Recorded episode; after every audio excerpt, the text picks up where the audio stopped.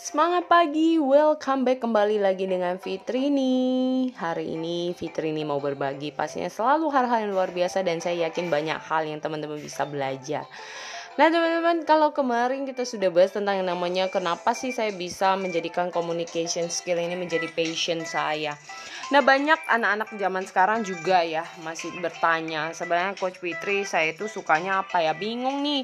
Sukanya semua sih pengen jadi dokter pengen jadi uh, bagian event pengen jadi MC pengen apa pun.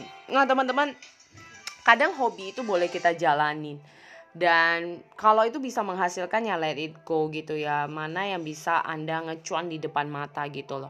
Bukan ngajarin kita untuk mata duit duitan tapi belajar bagaimana you can make your own money with your skill atau with your passion gitu. Dan itu saya buktikan bahwa itu bisa dilakukan. Kalau hari ini saya sebagai seorang yang expert kayak di communication gitu ya. Nah saya belajar dari sini saya juga asa diri kemudian saya membuat program-program sendiri yang bisa mensupport anak-anak mungkin dengan bahasa yang masing-masing gitu ya dan yang kedua adalah uh, profesi MC ini menjadi satu wadah untuk saya men menjadikan jam terbang saya untuk asa diri. Jadi saya bukan hanya kasih topik teori aja kalau sayangnya aja nggak praktek gitu ya gimana saya bisa sampaikan. Nah MC inilah akhirnya selain menghasilkan saya juga bisa asa diri saya di tempat itu dan kalau berbisnis itu juga membuat saya menjadi belajar build network.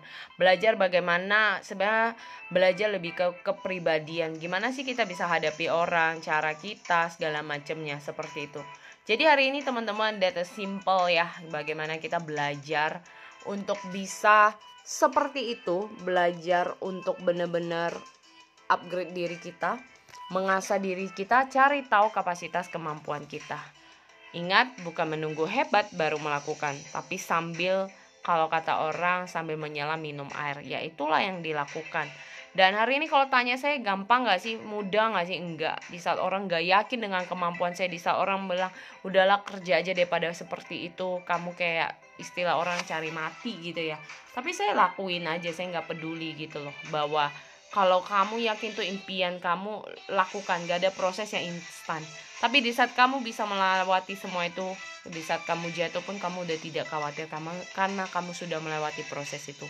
Dan percayalah kalau hal ini sang pencipta mengizinkan kita di proses seperti itu, ada rencana indah di balik semuanya. Jadi ingat, find your passion,